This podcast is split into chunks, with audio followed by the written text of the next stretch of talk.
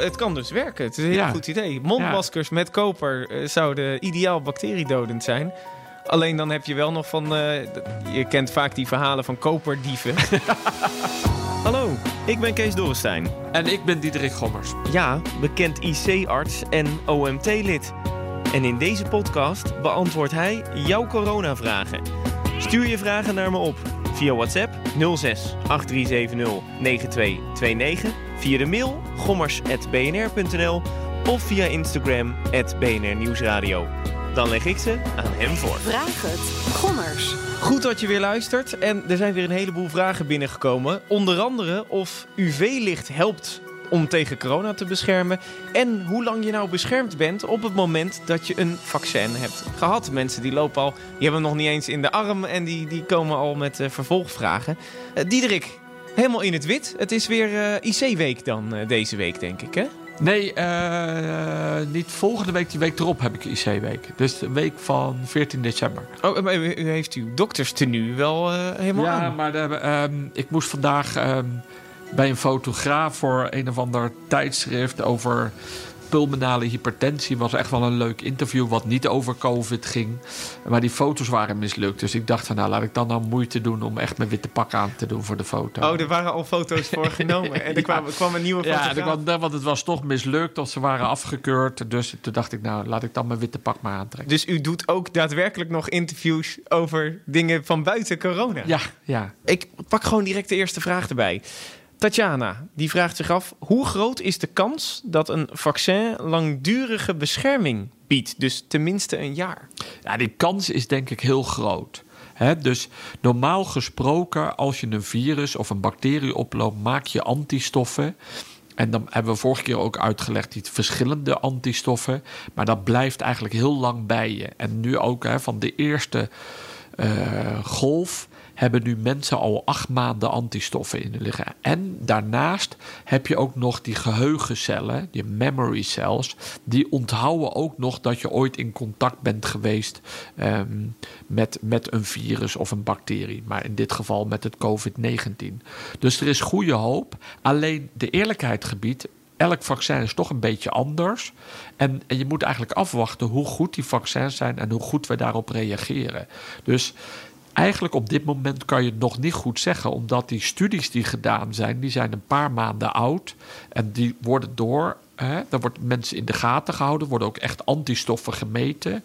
En dus we hebben nog langer de tijd nodig om echt daadwerkelijk te kunnen zeggen dat hoe lang je afweer behoudt. En hopelijk heel lang. Als je dan uh, bewijzen van een half jaar het vaccin hebt, dan doet die studie, die is dan ongeveer een jaar. En op dat moment weet je dan of je misschien nog een half jaar hebt. Ja. En dus ook de mensen die het vaccin nu hopelijk gaan nemen, een gedeelte daarvan wordt ook heel goed in de gaten gehouden, omdat je daar ook weer kennis mee opbouwt. En er worden extra metingen gedaan, bloed afgenomen om te kijken uh, hoeveel die antistoffen hebt. En je moet je voorstellen dat vaccin wordt niet alleen in Nederland gebruikt, maar in heel veel landen. Dus je gaat heel veel mensen in de gaten houden. Dus omdat het zo bijzonder is dat natuurlijk COVID-19 overal op de wereld voorkomt, ga je ook wel heel snel uh, veel kennis opbouwen over het vaccin. En die memory cells, um, die krijg je op het moment dat je het virus hebt gehad. Maar krijg je die ook op het moment dat je het vaccin hebt gehad?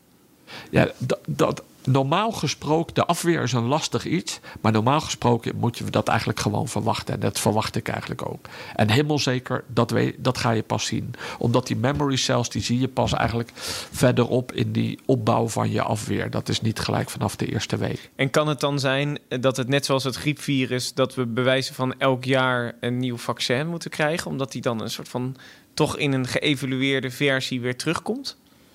Nou ja, dat wordt speculeren, want dat, die aanwijzingen hebben we nog helemaal niet. Uh, maar het coronavirus, is, of het COVID-19-virus, is natuurlijk wel een verkoudheidsvirus. Het zou zomaar kunnen. Um, maar laten we hopen van niet. En dat hangt natuurlijk ook een beetje af of we het virus met elkaar ook echt uitgeroeid krijgen. Um, en dat is mogelijk de bedoeling. Maar het kan ook zijn dat het virus altijd in lage vorm blijft bestaan. En als het zich dan muteert, dan zou het theoretisch kunnen zijn dat je dan ehm, misschien niet meer zo'n goede afweer hebt.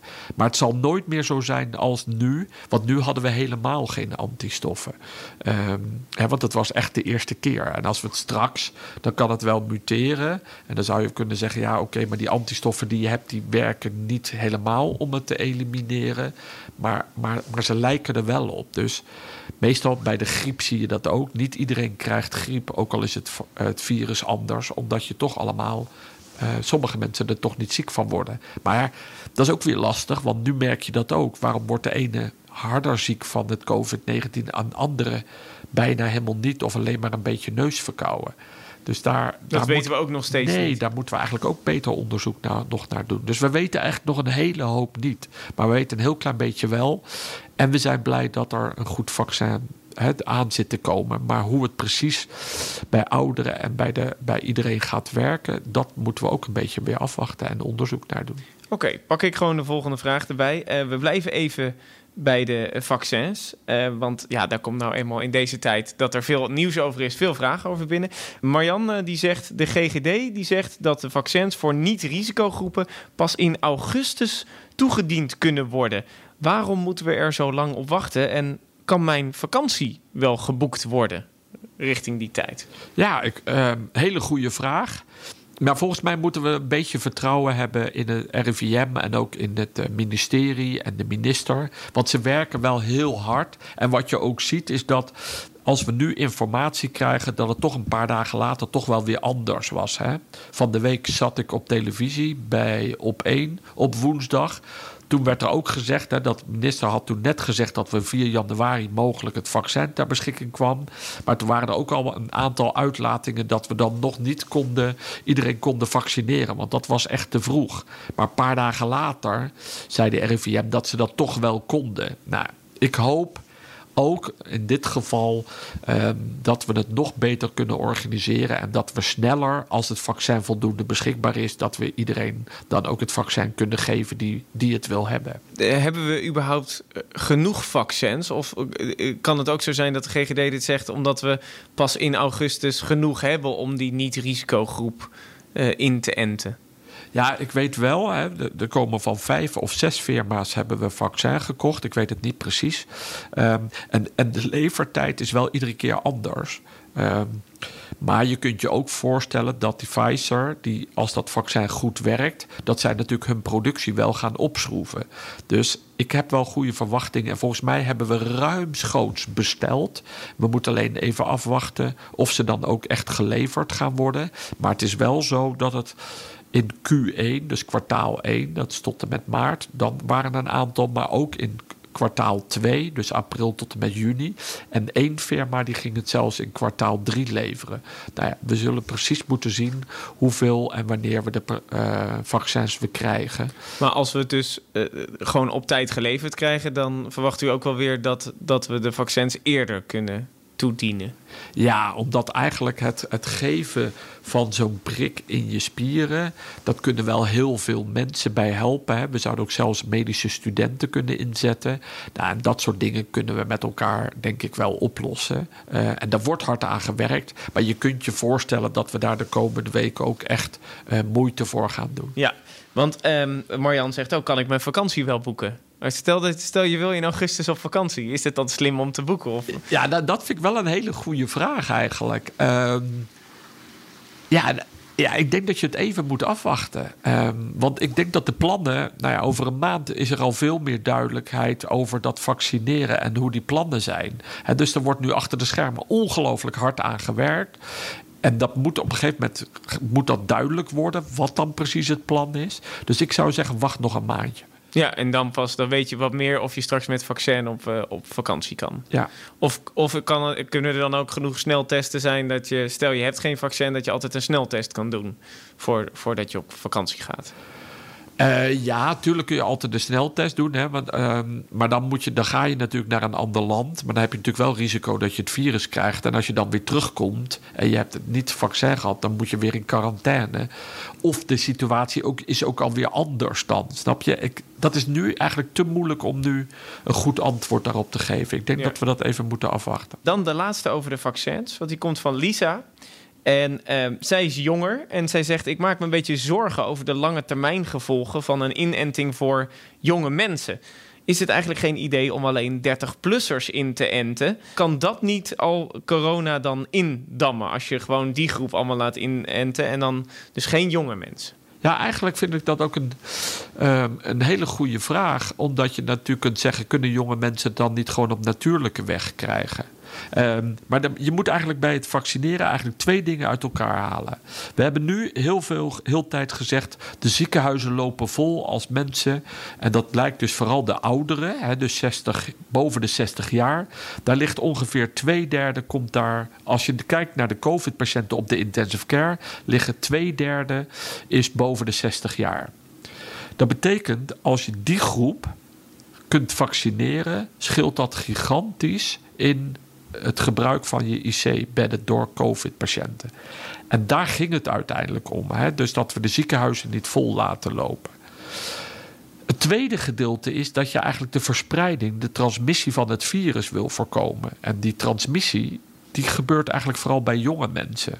Um, en de vraag is, wat zijn dan jonge mensen? Ja, ja maar dus ik dacht, ik ben zelf 34. En toen zei ze, kan je niet 30-plussers? Want dat is voor jonge mensen. Toen dacht ik ook direct in één keer, wow, ik ben heel erg oud geworden. Ja, uh, maar, maar er zijn dus eigenlijk twee dingen. Dus je, je, je wil eigenlijk dat er zo min mogelijk mensen ernstig ziek worden... dat ze naar een ziekenhuis moeten. Want dan lopen die ziekenhuizen. Maar dat is eigenlijk de, de oudere 60 plus plus de hoog risico, mensen met bepaalde ziektes. Dus als ons dat gelukt is om te vaccineren, dan hebben we goed hè, dat die druk, die overdruk of die, dat die pieken niet meer naar die ziekenhuizen komen met COVID-19. Maar er zullen ook altijd dertigers, veertigers, vijftigers toch nog COVID krijgen.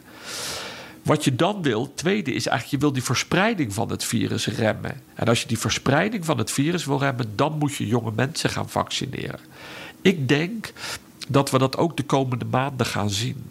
Het, het is nu nog zo dat we eerst gaan zorgen dat die ziekenhuizen niet vollopen. Dus dat we de hoog risico en de ouderen. En daarna willen we de, mogelijk het virus dat het minder snel verspreidt. En dan zou je de jongere mensen willen vaccineren. Dus toch wel onder de 30 uh, eh, plus? Ja, dat is nu het idee. Of, het, of dat die ideeën nog veranderen, gaan we zien. Ik denk dat we het ook niet zo goed weten. Dit hebben we nog nooit gedaan. Dat als die ouderen vaccineren en die hoogrisicopatiënten en, en het blijkt in één keer goed te gaan, ja, ehm, dat is al iets. Maar je moet je wel voorstellen, om het virus te verspreiden, hebben we die maatregelen. En die maatregelen moet je dan wel doorzetten. Pas als je al die jonge mensen hebt gevaccineerd, dan kan je los van die maatregelen. Ja. Nou, en dat stukje is wat willen we nou echt? Wat vinden we de maatregelen afzwakken belangrijk? Of zeg je van ik maak me toch zorgen over het vaccineren bij jonge mensen? Nou, die discussie zullen we voeren. Maar ik denk dat de overheid, nu zitten we er vooral in dat we ook die maatregelen willen afschaffen. En als je die maatregelen wil afschaffen, moet je uiteindelijk iedereen gevaccineerd hebben. En eh, ik zag eh, vandaag nog een berichtje voorbij komen dat Moderna nu het vaccin gaat testen bij kinderen tussen de 12 en 17. Dus, dus echt bij uh, kinderen. Uh, om, om, omdat die mogelijk andere bijwerkingen kunnen hebben van zo'n vaccin. Uh, dat, dat schijnt bij meerdere vaccins het, het geval te zijn. Is dat verstandig om dan bij, bij deze kinderen te gaan testen? Of, uh... Dat is wel een hele goede groep. Want je ziet nu, als je nu gedetailleerd naar de getallen krijgt, zie je eigenlijk iedereen dat het aantal besmettingen afneemt in allerlei leeftijden. Maar uh, in die groep wat je net beschrijft, hè, tussen de 13 en de 19. En eerst waren het vooral de 18 en 19-jarigen die veel uh, elkaar besmetten. Maar nu zie je het eigenlijk vooral tussen de 14, 15 en 16-jarigen. Dus als je die groep ziet dat die makkelijk, hè, die zien elkaar op de middelbare scholen, als die makkelijk verspreiders zijn, ja, zou dat toch wel belangrijk zijn wat dat, uh, of die groep veilig het vaccin kan krijgen. En dus, ja, precies. En dus ook zou het een idee kunnen zijn om die ook uh, het vaccin te geven. Ja, dus als je iets wil doen aan die verspreiding, dan is dat wel een hele belangrijke groep. Robin dan, hele andere vraag. Uh, maar ik vond het best wel een terechte vraag. Uh, hij zegt, u spreekt vaak over het belang van verpleegkundigen. Nu ben ik zelf ook een verpleegkundige en ik vind dat belang natuurlijk belangrijk. Um, maar ik vind het jammer dat er geen verpleegkundige in het OMT zit. Is dat niet een idee?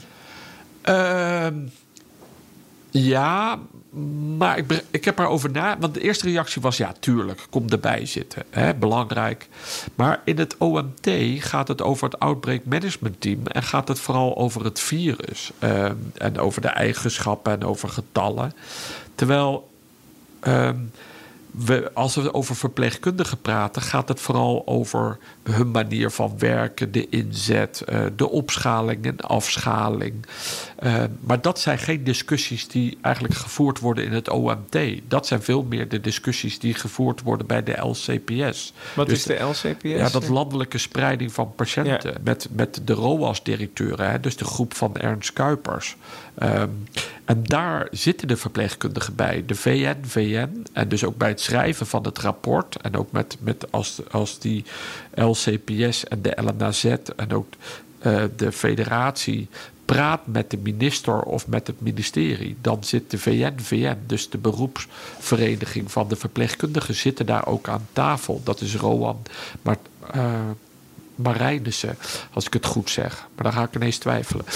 Um, en, en dus daar zitten ze aan tafel. En daar gaat het vooral over de inzet op de werkvloer. En dan gaat het over hun vakgebied en over de toekomst. En dus het is wel belangrijk dat die verpleegkundigen zich uh, organiseren, al of niet hè, bij, bij de beroepsgroep, dan wel bij de vakbond. Omdat ik het wel belangrijk vind hoe we de toekomst hun werk uh, anders mogelijk gaan inrichten. Of in ieder geval dat zij meer meepraten over hun inzet en over hun Dus die Robin die zegt ook van ik bied mezelf aan. Dan moet hij eigenlijk naar die verenigingen gaan van uh, ik wil meepraten. In ja, want het OMT gaat veel meer over ja, over, over ziektebeelden. Kijk, ik zit daar ook bij, maar het, eigenlijk de virologen en microbiologen zijn heel veel aan het woord, want daar heb ik geen verstand van. Maar soms gaat het dan even over de intensive care, over het ziektebeeld of over de IC-bedden. En dan zeg ik wat, dan steek ik mijn hand op en krijg ik even het woord.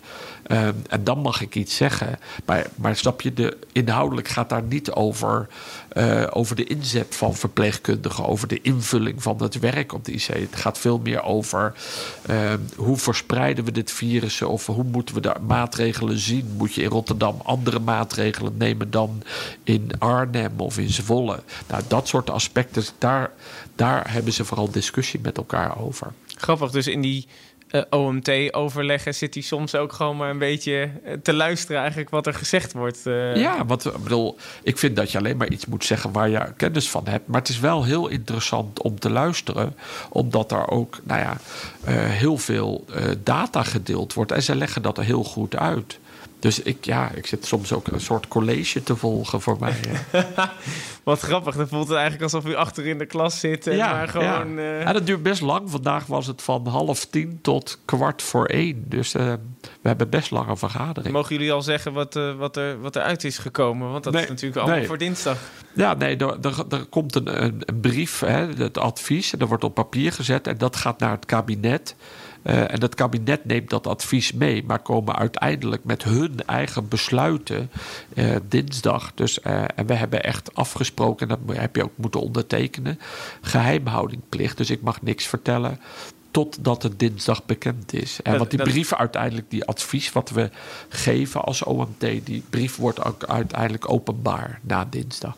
Ja, want het is toch wel opvallend dat uh, het lijkt dan toch vaak ook wel een beetje uit te lekken. Als uh, van dit was het OMT-advies. Wat, wat, gaat, uh, wat gaat het kabinet doen? Ja, maar dan wordt iedere keer echt aan ons gevraagd dat we dat toch alsjeblieft niet willen doen. Nee, dat, ik, ik, ik hoef nu niet te vissen hoor. Maar ik vond nee. het wel opvallend dat af en toe. Ga ik ook, niks, ga ik ook niet doen. Ik vind, ik vind het wel jammer hoor, die um, Christian, die vraagt wat over UVC-licht. Hij zegt: Wat weet u over het inzetten van UVC-licht tegen het coronavirus? Er zijn meerdere bedrijven op de markt die dit aanbieden, maar helpt het echt? Ja, kijk, kijk UV, ik weet niet, UV-licht, dat wordt gebruikt voor sterilisatie. Uh, hè, dus in de farmaceutische industrie om bijvoorbeeld de, de ampullen te steriliseren waar medicijn in komt. Maar als je dat gaat nadenken, dan zou je dus Dus je kunt wel materialen waar eventueel corona op zit, eventueel uh, desinfecteren of zorgen dat het virus doodgaat. Uh, maar ja, je kan niet een lichaam met je eigen lichaam ergens onder een UV, UVC-lamp gaan liggen of in een kamer gaan zitten. Want het, het doodt natuurlijk niet alleen jou, het virus, maar dan doodt het ook gezonde cellen. Dus. Ehm, het is logisch. Dat lijkt me niet heel verstandig. Nee, maar misschien ben ik niet helemaal goed op de hoogte, snap je? Ik heb, me niet, ik, ik heb geen kennis van dat wat die bedrijven dan, hoe ze dat precies inzetten. Maar je moet je voorstellen dat in ons lichaam dringt het virus in onze levende cellen. Uh, daar zit het virus in. Als je dat wil bestrijden, ja, dan denk ik dat het risico ook groot is dat je dan je eigen levende cellen uh, beschadigt. Uh, maar uh, anders zouden we het nog een keer moeten Maar wat betreft het ontsmetten misschien van ruimtes of zo, dat ja, zou dat, gebruik, dat gebruik je wel. Dat, hè, dat kan je met licht doen, zo UV, UVC-licht. Of dat kan je met bepaalde gassen doen. Uh, hè, met met uh, nou ja, handalcohol, daar maken we het ook onze handen, hè, desinfecteren we. Dus die oppervlakte kun je schoonmaken. Dus desinfecterende middelen of gassen of licht, dat wordt veel gebruikt. Maar ja, meestal kan je dat niet gebruiken uh, in je lichaam. Er is ook wel eens gezegd: zou je niet dat de desinfecterende middelen als een soort spray in je neus moeten doen, omdat je daarmee virus doodt? Ja, wel als dat virus los in je neus zou zitten, maar je bereikt niet je cellen. Maar je kan je wel voorstellen dat je de oppervlakte van de cellen met die desinfecterende middelen ook weer kapot maakt. Hè? Bo, die zat volgens mij voor ja, een keer een desinfectiemiddel. Ja, ik weet ook niet of dat verstandig was. Nee, dat zou ik niet doen. Hè? Die, je eigen cellen kunnen daar denk ik niet goed tegen van je slokdarm en je nee. maag. Als Bo er binnenkort wat ziekig uit begint te zien, dan uh, weten we waardoor het komt. Ja, ja. ja nee, oké, okay, uh, want de, er zijn natuurlijk bedrijven bijvoorbeeld die bij PSV uh, bijvoorbeeld de kleedkamers uh, desinfecteren. Is er nog een manier om te nou ja, testen? Dat zijn wel goede dingen, snap je? Als je zegt van luister eens, we hebben hier met voetballers in een grote ruimte gezeten en mogelijk hebben die voetballers of een van de voetballers daar virus achtergelaten. Dat als ze weg zijn, dat je dan s'nachts die lampen aandoet om te desinfecteren. Ja, dat, dat, dat kan je doen. Dan is die ruimte, weet je zeker als je de volgende keer terugkomt in die ruimte, dat er de kans dat er dan uh, nog levend virus zit, dat, dat is heel erg klein. Zolang je uh, niet in de schaduw zit hè, van die lamp. Dus dan moet je ook daadwerkelijk wel dat licht op die plekken waar het bij kan.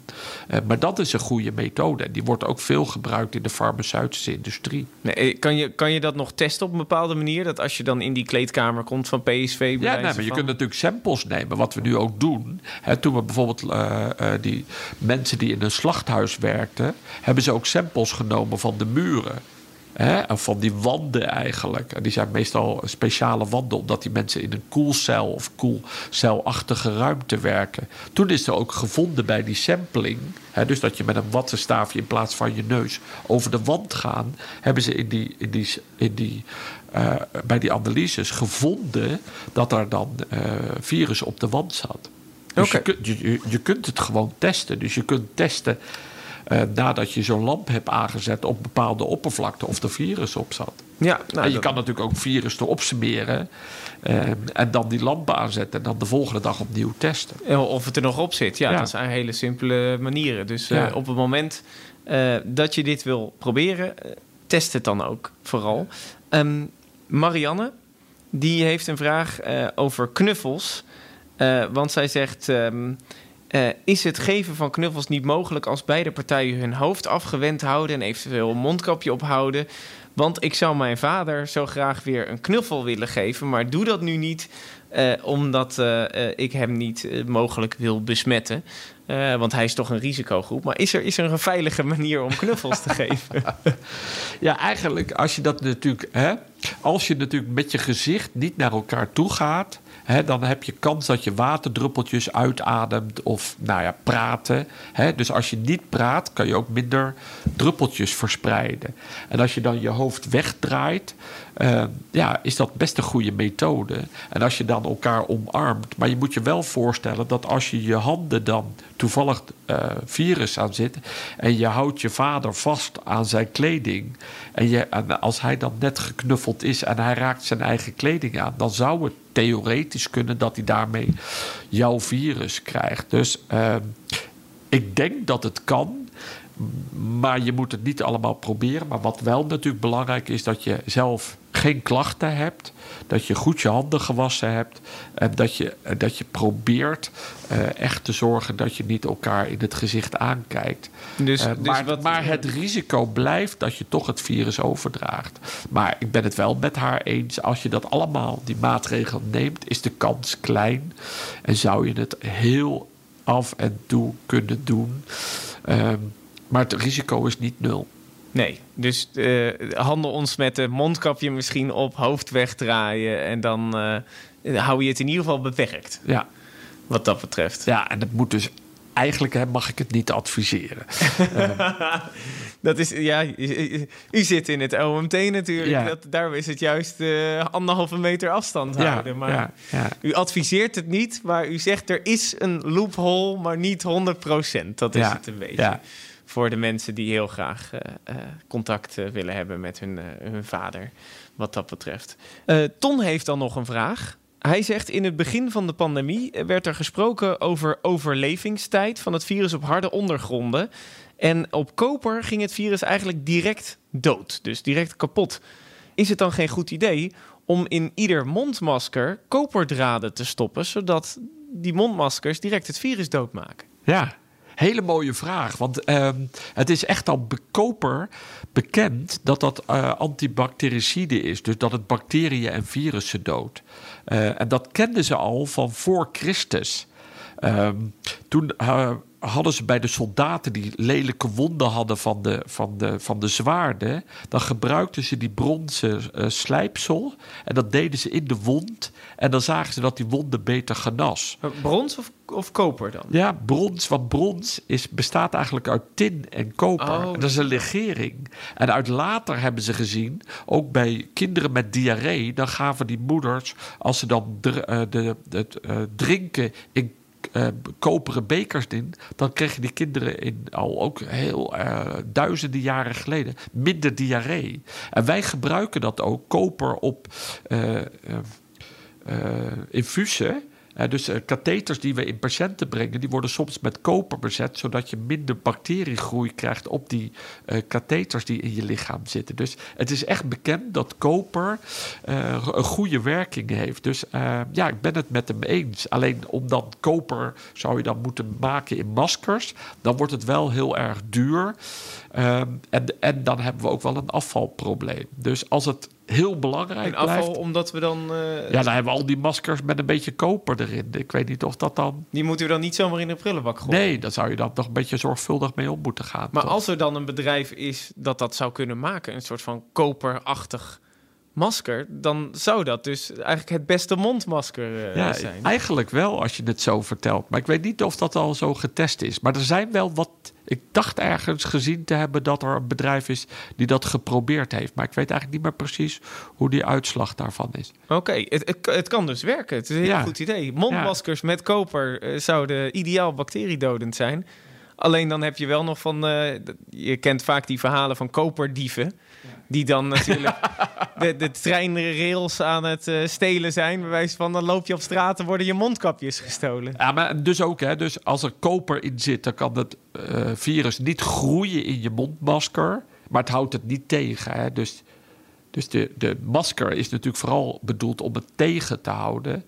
Alleen het voordeel als je er dan koper in stopt, als het vochtig is, dat het virus dan daar niet in groeit. Maar het virus kan natuurlijk niet groeien, maar het wordt dan gedood als het in je masker zit. Dus eigenlijk zou je zo'n bedrijf dan moeten kijken, als je die, ma die maskers zou je misschien vaker kunnen hergebruiken, omdat het virus wat er dan in zit niet overleeft. Ik, uh, ik pak er nog eentje uh, bij, want dat vond ik wel een bijzondere. Um, Karin die zegt, ik werk op een COVID-afdeling en ben al tien keer in nauw contact geweest met COVID-patiënten.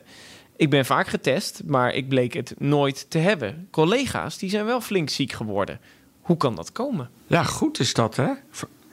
Uh, ja, ik weet niet, hè? Heeft ze toch misschien stiekem gehad? En heeft ze dus antistoffen, maar ik weet niet of dat getest is bij haar. Ja, of, en dat zou ook nog kunnen, heeft zij toch, ja, van nature is ze gewoon niet vatbaar voor dat virus. Ja, en eigenlijk weten we dat niet zo goed. Ehm, ja, of zij heeft toch iedere keer wel met die patiënten gewerkt, maar heeft toch, is zij, eh, werkt zij op een schonere manier dan haar collega's. Dus doet zij beter haar handen wassen. Op het moment dat ze bij de patiënten zit, zit ze niet te dichtbij. Of heeft ze het juiste mondmasker op. Of de beschermingskleding.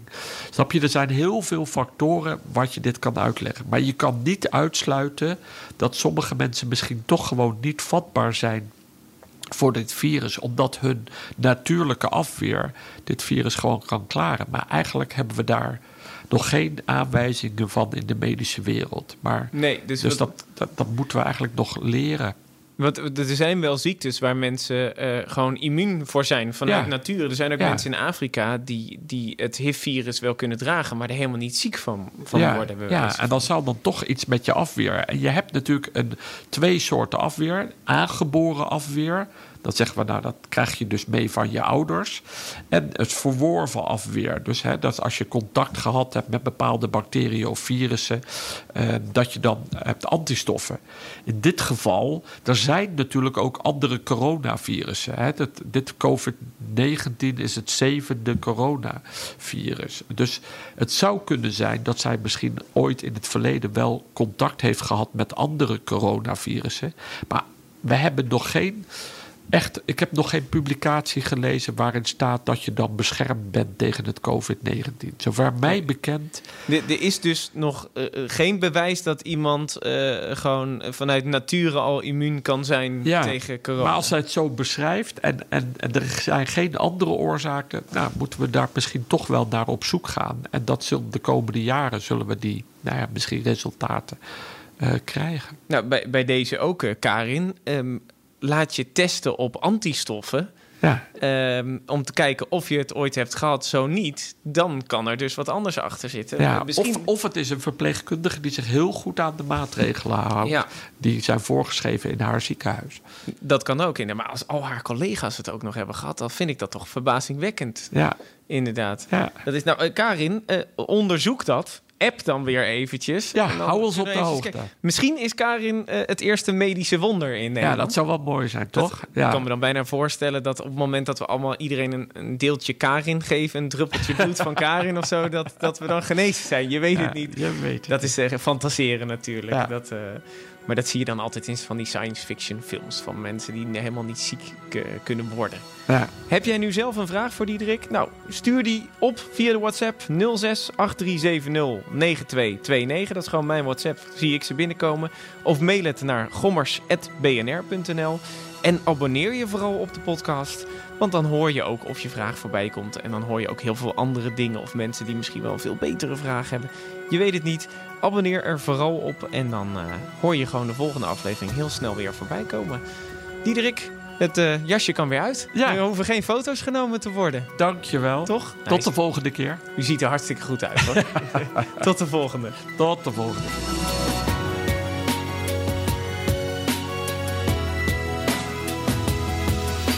Vraag het. Gommers.